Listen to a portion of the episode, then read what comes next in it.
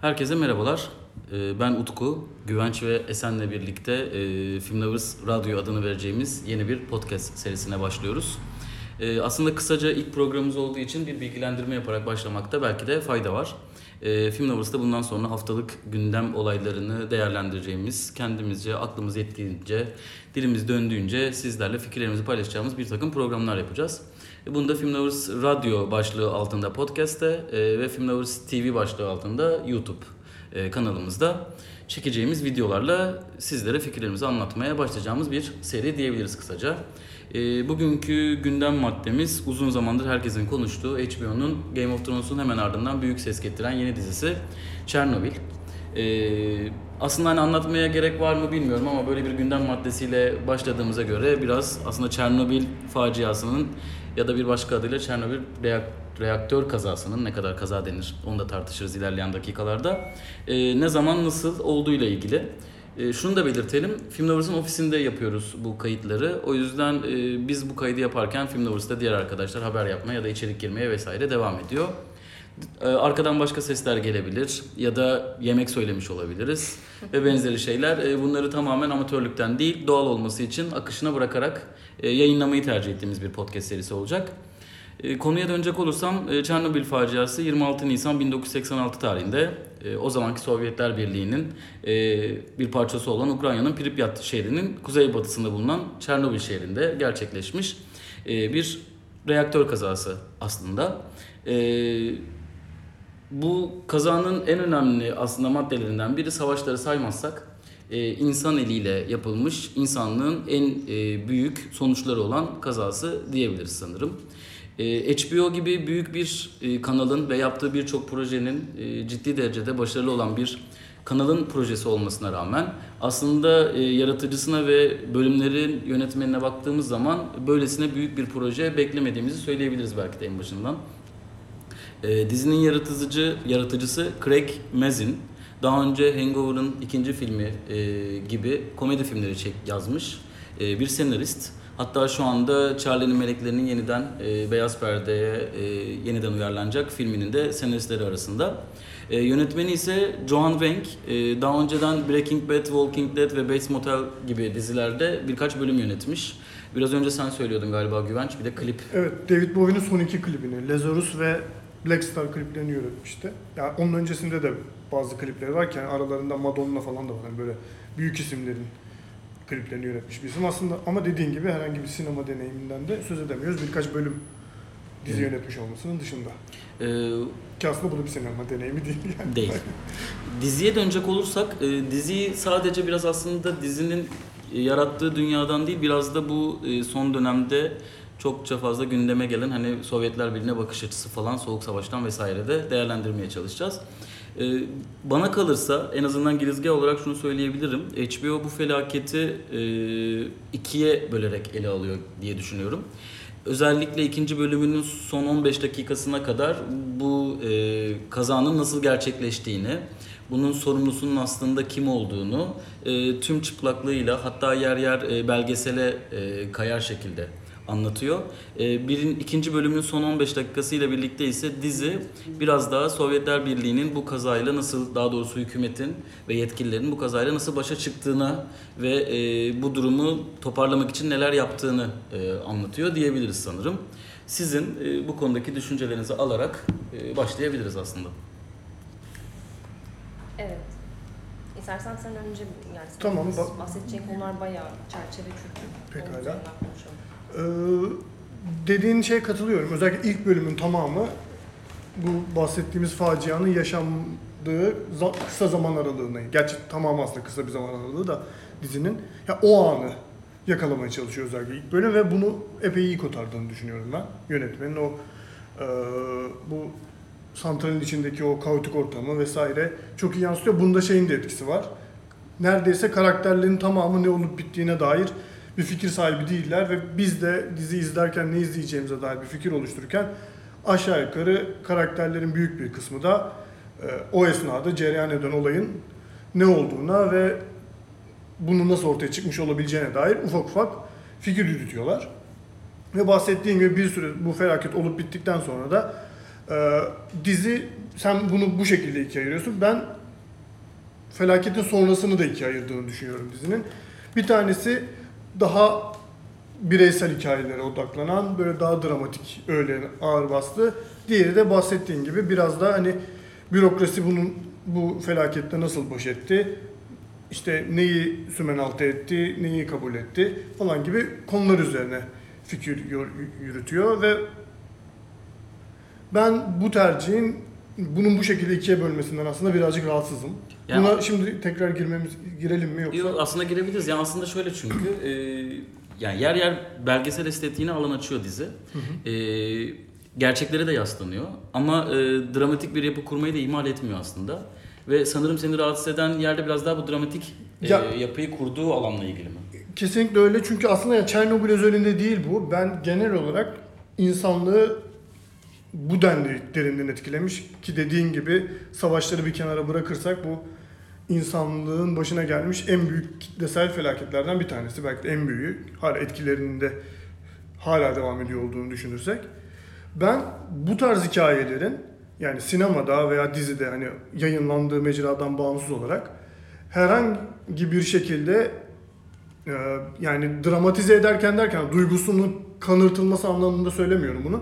Yani İngilizce dramatization'dan bahsediyorum. Yani içine kurgu bir şeyler katarak bir dramatik yapı kurularak bir kurmaca bir hikayeyle birleştiriliyor olmasından rahatsızlık duyuyorum çünkü e, bu tarz hikayelerin yarattığı e, ruh halinin ve yarattığı insanlarda yarattığı çöküşün e, bu yıpratıcı etkilerinin Temsil. bu temsil edilemeyeceğini düşünüyorum aslında ve bunun bu girişimin hem e, bu felaketle yüzleşmiş insanlarda olumsuz bir etki yaratılabileceğini düşünmekle birlikte bu işin yapımcısı açısından da kolaycı bir girişim olduğunu düşünüyorum. Çünkü ortada çok büyük bir felaket var ve bu yani Çernobil faciası çok büyük bir olay ve bunu da eli yüzü düzgün bir yönetmenlikle e, dizi formuna aktardığı zaman bu çalışıyor ve bence Çernobil'in yaptığı en iyi şey de bu. Yani bu iyi bir şeyse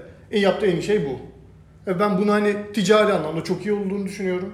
Yani diziyi de teknik olarak kusursuza yakın buluyorum. Hani şey yani çekiminden vesaireden bahsediyorum. Ee, ama bahsettiğim gibi yani bu acının, bu felaketin temsil edilmesiyle ilgili ve temsil edilme şekliyle ilgili bir takım çekincelerim var diyerek Evet. Esen'e pası atıyorum. Yani aslında tam da bu şeyden önce de onu birazcık konuşmuştuk.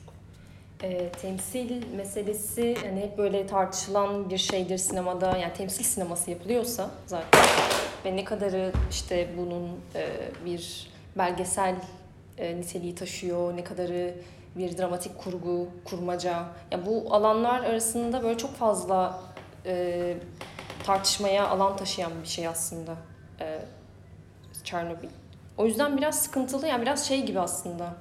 Hmm, Biz böyle Schindler'in listesini izlediğimizde ve işte Spielberg'un yaptığı ilk böyle açıklamalarda e, öyle bir kala kalmıştık sanki o ilk film çıktığı zaman ya da hani hala o çok tartışmalı bir alan. Yani gerçek bir hikayeyi, gerçek böyle büyük bir felaketi, gerçek bir e, meseleyi nasıl temsille çeviriyoruz? Nasıl o karakterleri yeniden canlandırıyoruz? E, biraz orada problemli buluyorum. Biraz değil bayağı problemli buluyorum. Ki hani bu genel yüzeysel tartışmalar biraz şeyde kaldı.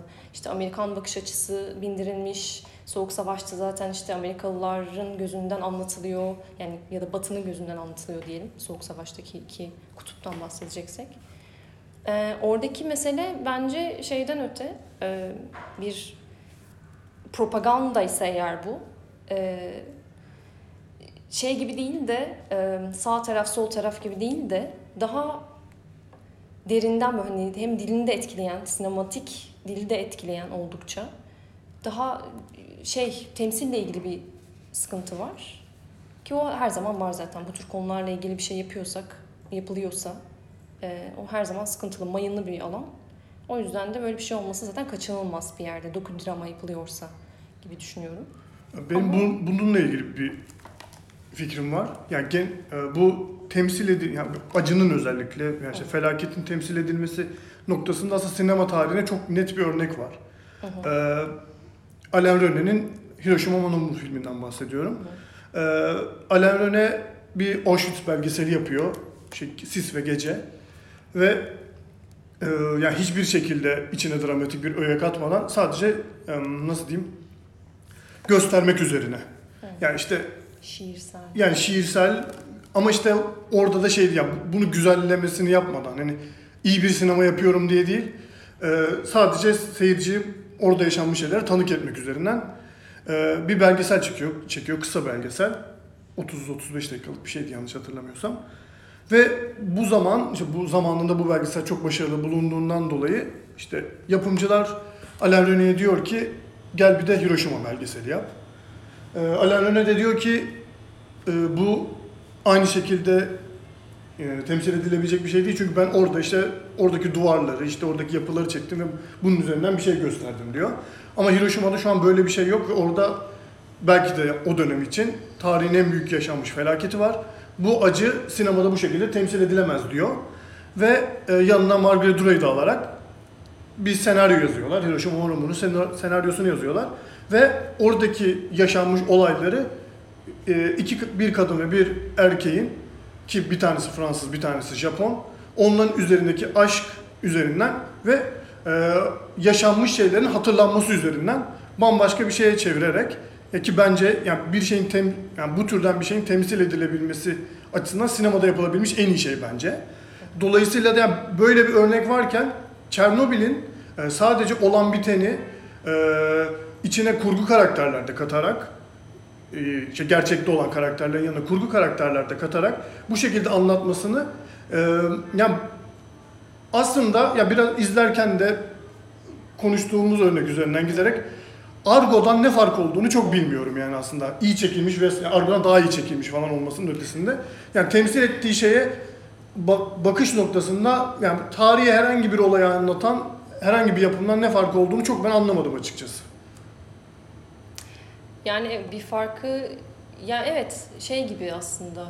Yani iyi çekilmiş e, tüm prodüksiyonu şey giden e, yani çok iyi bir prodüksiyon. Bu arada onlardan da bahsedelim. Yani Evet. hiç şey yapılmayacak gibi inanılmaz bir sanat, inanılmaz bir e, görüntü yönetmenliği, işte inanılmaz çok iyi oyunculuklar, çok, Çok iyi de bir cast, O inanılmaz bir cast var.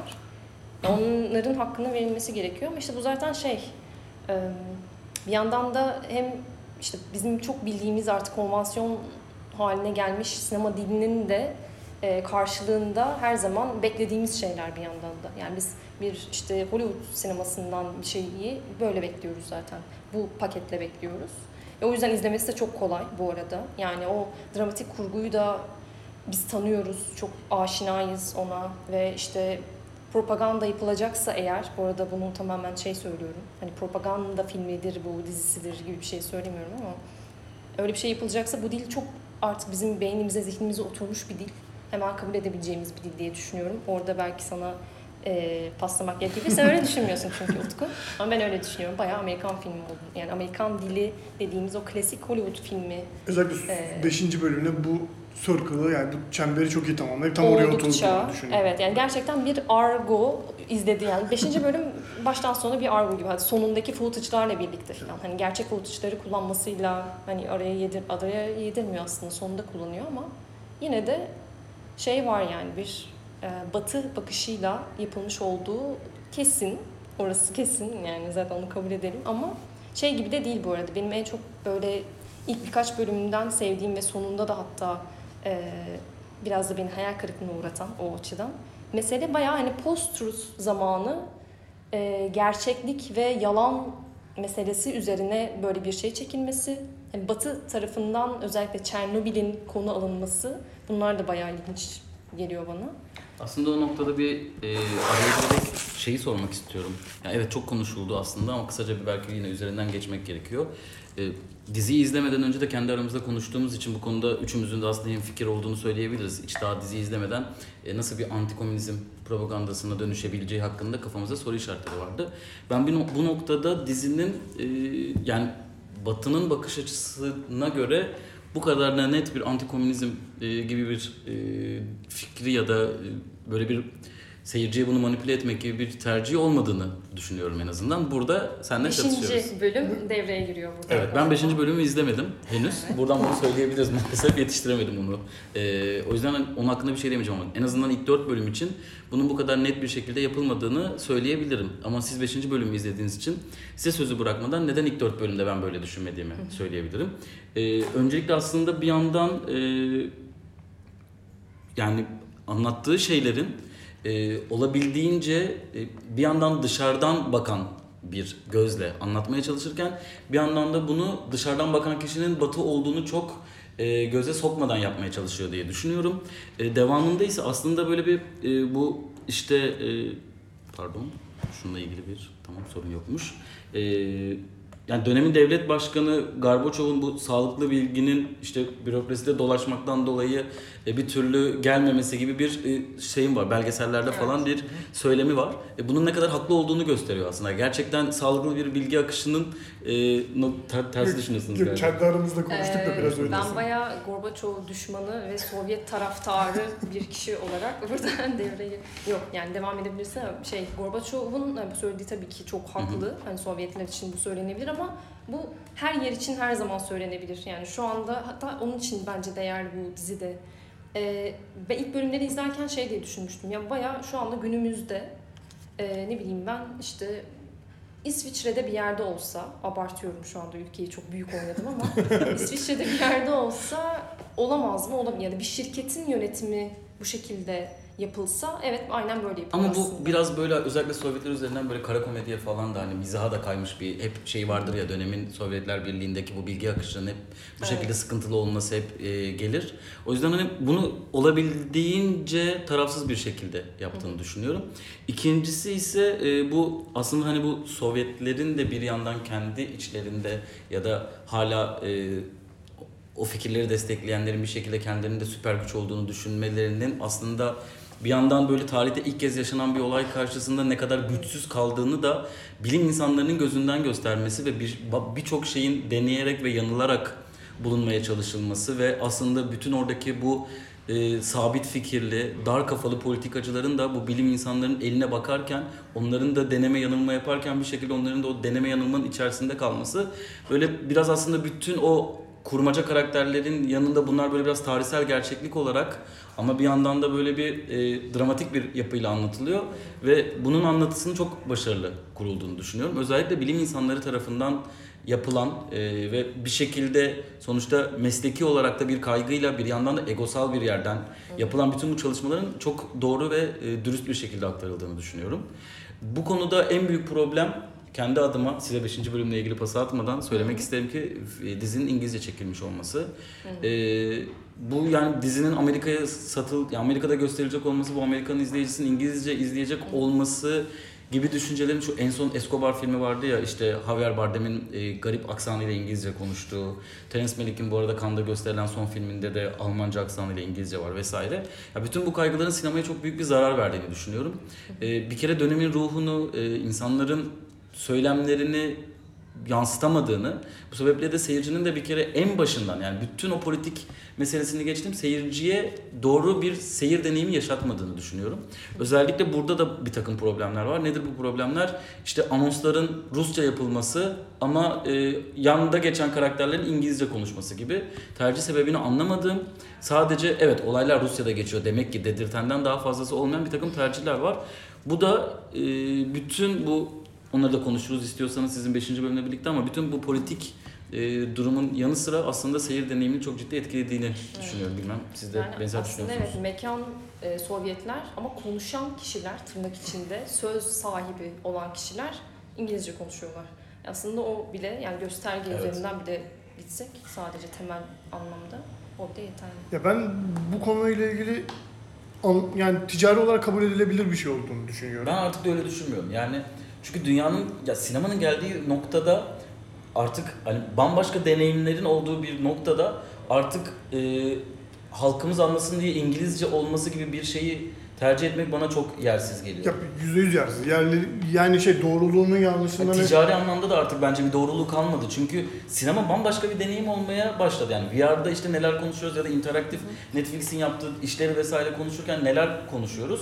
E, dil mi bütün bu şeye etkili? Yani dil de aslında bu Yok sürecin bir parçası. Te- Dediğine o noktada katılıyorum ama yani yani aslında söylemek istediğim şey şu. Yani zaten oradaki mimariden e, yani gör, yani film dizinin tüm görsel dili zaten bizim Sovyetler Birliği'nde olduğumuzu bize yoğun bir şekilde hissettiriyor. Yani dilin İngilizce olması şu noktada bir problem olmayabilirdi. Yani çünkü sonuçta kurmaca bir evren yaratıyorsun orada her ne kadar işte belgesel vari unsurlar barındırsa da. Ya buranın dili İngilizce gibi bir çerçeve çizebilirdin. Ta ki o bahsettiğin işte bu anonsların, Evet. haber bültenlerinin veya insanların böyle duygulandığında söylediği şarkıların Rusça olmaması durumunda. Ya bunu kabul edebilirdim ben en azından. Öyle diyeyim. Çünkü hani e, okey bir Sovyetler Birliği'ndeyiz. Zaten görsel diliyle bunu falan hissettiriyor. Fakat oranın dili İngilizce olabilirdi. Ya bunu kabul edebilirdim ama hala Rusya Rusçanın olduğu bir evren yani unsurlar koyarken neden bu insanlar İngilizce konuşuyor sorusu ister istemez doğuyor yani. O açıdan katılıyorum dediğine. Yani aslında estetik olarak sadece bile düşünsek biraz evet tuhaf geliyor kulağa. Ee, çünkü dediğim gibi yani aslında bir bir de hani Türkiye'de de yaşadığımız için bize çok uzak bir coğrafyada olmadığı için de bir yandan belki ee, Evet ya oradaki insanlar galiba İngilizce konuşmuyorlar. çok temel bir bilgiyle bile hani insana ister istemez çok şey gelmiyor. Kolay yutabildiği, kolay hazmedebildiği bir şey yok. Aslında gayet Esen sana bir de şeyi sormak istiyorum ya. Bu şey konusunda biraz farklı düşünüyoruz. Ben e, dizinin biraz daha böyle bir e, doğu e, tarafından çekilmiş estetik Evet. olarak da yakın olduğunu düşünüyorum. Sen farklı düşünüyorsun. Bu konuda beni ikna edebilirsin diye düşünüyorum. Çünkü Dunkirk'ün de imajlarını açtığında. Fakat peki şuna ne diyeceksin onu merak ediyorum. Yani benim en azından dizi izlerken aslında biraz onu da görsel diliyle bütünleştirdiğim bir gerçek var. Şimdi Amerikan dizilerinde özellikle aşina olduğumuz bu tarz dizilerde bir kahraman yaratmak gibi bir şey var. Bir şey var. Bu zaten son olarak süper kahraman filmlerinde falan da bu kadar aslında eee, şey olması, popüler olması biraz buna dayanıyor. Çünkü Amerikanlar böyle şeyleri çok seviyor. Yani bir kahraman yaratmak. Argo'dan mesela ne farkı var derken aslında Güvenç'in bu noktada bir hikaye anlatısı olarak farkı var. Biraz sanki anlattığı ülkenin eee, politik tavrını ortaya koyan bir şey var. Ne olursa olsun bir kahraman yaratmak gibi bir derdi yok dizinin. Tamamen aslında topluluk hareketi olarak göstermeye çalışıyor.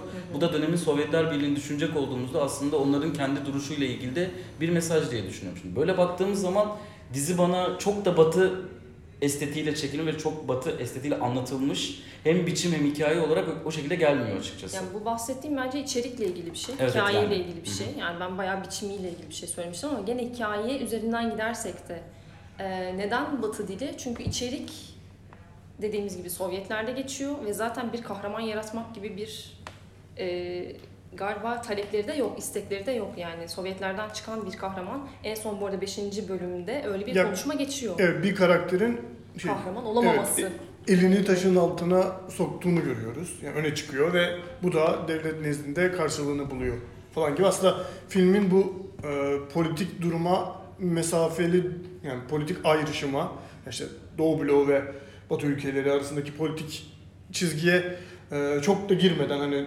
nötr bir noktadan bakmaya çalıştığın yani o tutturmaya çalıştığı dengenin en büyük sapışı da bu karakterin elini taşın altına sokmasında ve Sovyetler Birliği'nin buna yani Sovyetler Birliği'ni temsilen konuşan bürokratın buna gösterdiği tepki de aslında o denge birazcık yıkılıyor aslında son bölümde gibi bir durum da var. Ya beni tek rahatsız eden bu noktada şöyle bir şey vardı. Hani diziyi izlediğim süre boyunca her zaman böyle şeylerin pozitif olduğunu düşünüyorum. Bu arada biraz da aslında sizin düşüncelerinize katılsam da şimdi podcast'te anti tez yaratmaya da çalışıyorum. Onu da söyleyeyim ama şöyle bir düşüncem de var aslında. Ee, size katıldığım en azından bu kahramanlık meselesinde örneğin. Ee, dönemin Sovyetler Birliği rejimini ve o başında olan herkesin kötü gözüktüğü ama halkın ne kadar masum, ne kadar iyi olduğu üzerinden bir ayrımda söz konusu. Hani bunda inkar etmeyeceğim. Evet evet yani o çok dediğim gibi şey değil. e, kimsenin inkar yani burada hani bu problemli bir şey mi değil mi tartışması sanki dönüyor. Böyle gösteriliyor. Evet bu hele ki dediğim gibi son bölümde çok çok net bir şekilde taraflar ayrılmış ve kör göze parmak diyaloglarla filan e, Sovyetler yerin dibine sokulurken işte yani bayağı hani Sovyetlerden insanlar şey diyorlar. İşte sen e, aynı bizim gibisin, kahraman olamazsın falan diyor dedirtiyorlar Sovyetlerdeki bir takım üst rütbeli insanlara. falan. Hepiniz oradaydınız diyor. Evet ya bayağı Bir izlemediğim bölümde neler olmuş ya. bayağı her şey çözüldü yani. Son bölümde her şeyi koymuşlar gibi. Ben şeye geleceğim burada hani biçimsel olarak e, neden Batı tarafından tutuyor? Yani çok şey değil evet hani böyle bir takım deneysel denemez ama evet konvansiyon içerisinde çok fazla görmediğimiz belki yani çok fazla görmediğimiz de değil aslında ama evet yani konvansiyona çok dahil olmayan birkaç şey var. İş e, görüntü mü diyeyim artık yani stratejiler kullanımı, anlatım stratejileri. Ama genel olarak e, tam olarak zaten aslında hani böyle işte dediğim gibi Hollywood sinemasında da hani yeni bir şey yapmak isteyen, görkemli bir şey, böyle izleyiciyi yeniden sinemaya çekmek isteyen yönetmenlerin kullandığı şey zaten bu strateji tam olarak. Hani sanki yeni bir şey deniyormuş gibi bir şeyler yapıp işte anlatıma ben yeni bir şey katıyorum. işte rengi birazcık solduruyorum. Ee, ne bileyim e, biraz daha işte Sovyetlerde geçtiği için zaten hani böyle hafif bir Rus sinemasına da göz kırpıyorum gibi bir şey yapmak aslında tam bir Amerikalının yapacağı şey gibi bir yandan. Burada ben ne kadar şeymişim, komünist ve e, antikapitalist bir insanmışım bunu da anlamış oldum. Hepsi açığa çıktı. İşte bu dizi bir insanın hayatını değiştirdi arkadaşlar. Evet. Ya bu, bu arada ben bu eleştiri okurken hep şey yapıyordum ya üf yapmayın Abartmayın ya. falan. Saçmalama yani lütfen film izliyoruz, dizi izliyoruz. Böyle şeyler artık kurmaca bu dünya. Yani bu işte ne bileyim 89'da duvar yıkıldı arkadaşlar artık geçin falan diyordum. Ama içimde hala şeymişim bayağı. Bir yer. Şu anda canavar ortaya çıktı yani. Bu size e, bu konuda Terence Malick'in son filmini izlemenizi öneriyorum. Gerçekten, Gerçekten e, bu anlamda inanılmaz. E, hatta ismini vermeyeceğim bir arkadaşımla geçen diyaloğumu söyleyeyim. Ya filmde şöyle bir e, durum var. E, kapatmadan önce böyle güzel bir şey anlatayım. E, filmde e, işte 2. Dünya Savaşı döneminde geçiyor ve e, bu sefer bir Yahudinin değil şeyin hikayesi anlatıyor. Vicdanı red yapan ve askere gitmek istemeyen, bunu reddeden. Aslında baktığın zaman çok fazla anlatılmayan aslında bu 2. Dünya Savaşı ile ilgili güzel bir hikaye gibi. Fakat e, tabii ki Terence Malick abimiz kamerayla şov yapmayı çok sevdiği için e, başka şeylere oynuyor filmin hikayesinden ziyade ve iki buçuk saat boyunca 3 dakikalık bir hikaye anlatıyor temelinde. Okey.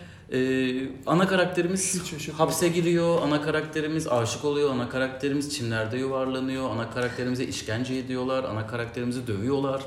Köyde bir sürü olaylar oluyor ama ana karakterimiz her zaman çok güzel tıraşlı, saçları tam bakımlı, kıyafetleri Armeni defilesinden çıkmış gibi. Bütün köy böyle bu arada, inanılmaz herkes şık. Ee, ve bu asla değişmiyor film süresince. Bu arada tabii ki bu arkadaşlarımız İngilizce konuşuyorlar, Almanca aksanlı konuşuyorlar. Neyse filmden çıktık. Terence Malick'i de çok seven başka bir arkadaşımızla konuşuyoruz.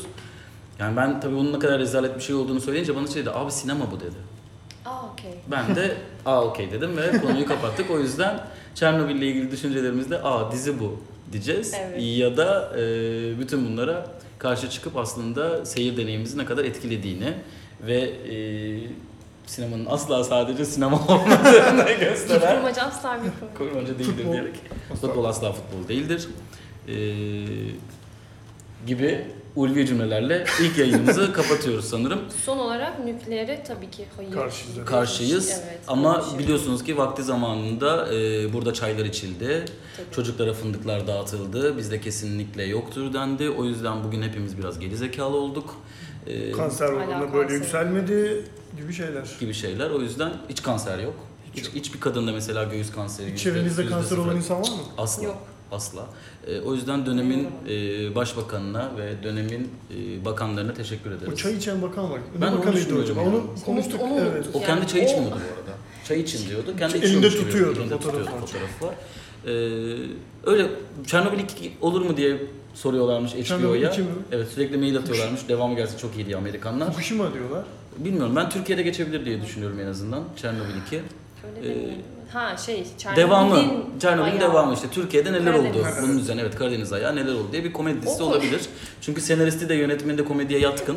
Of Neden çok iyi olmasın? salladı ya. Neden olmasın? En azından güzel bir devam olur. Bu arada ben de lafını bir Yok yayınımızın ilk 28 dakikası çok sıkıcıydı. Son 2 dakikada açıldık. Eğ- eğlenmeye başladım. Ben bir de şeye üzüldüm. Yani herkes anlatıyor şunlar oldu böyle oldu. En son fan bu gerçek. İzlemedim son bölümü. Yok gerçek footage'da işte karakter işte ge- şu böyle yaptı. Bu 3 sene sonra bu oldu falan diyor. E bizim yani kaç kilometre ötesi de Karadeniz kıyısı yani bizde de bir şey, bir Hiç şey sö- olmuyor. sö- Evet bizim o bu, çay... bu, bu arada bunu şaka şaka gibi söylüyorum ama aslında biraz da ciddiyim yani. İtfaiyeci abinin gerçek göz fotoğrafını gösterler mi? Göstermediler ama hanım hanımı doğurmuş. Hanım doğmuş. Hanımı doğurmuş, e, bir tane oğlu olmuş. Ki demişler arada- ki sana olmaz demişler. Evet, sürekli düşük yapıyormuş. Sonrasında İşte bak görüyor radyasyonun faydaları arkadaşlar. Evet. Buradan doğuramayan bütün e, vatandaşlarımıza sesleniyoruz. Radyasyon. Bol bol Bol bol AVM'lere çay. girin ve AVM'lerdeki o şeylerden geçin. Güvenlik X-ray'lerden. X-ray'lerden. X-ray'ler. X nelerden? Ray. X-ray. X-ray'lerden. XR dedim. Telefonum. Eza karma gerçeklik. Apple'ın sunduğu Film Lovers'la podcast'in sonuna geldik. inşallah. Ee, öyle. Bu sıkıcı podcast'i dinlediyseniz ki buraya kadar geldiğinize imkan vermiyorum. Ee, bundan sonrakileri dinlemezsiniz diye tahmin ediyoruz. Bugün bir dizi konuştuk. Bundan sonra gündemi gündemi çatır çutur konuşacağız burada arkadaşlar. Her perşembe, her cuma acayip şeyler dinleyeceksiniz. Hadi kapatalım. Evet. Kendinize iyi bakın mı diyeceğiz. Ne bileyim podcast. Sen podcast yapıyorsun. Yılların podcastçisisin Güvenç. Bir sonraki podcastimizde Arkadaşlar, görüşmek üzere. e, Güvenç el sallıyor. E, bunu göremiyorsunuz Ama o yüzden. Umut bu hep bizim aramızda Sezen'e selam olsun bir şey bize bunu söylerken de birbirimize el sallıyorduk öyle bir şey vardı. Bitti. Okey.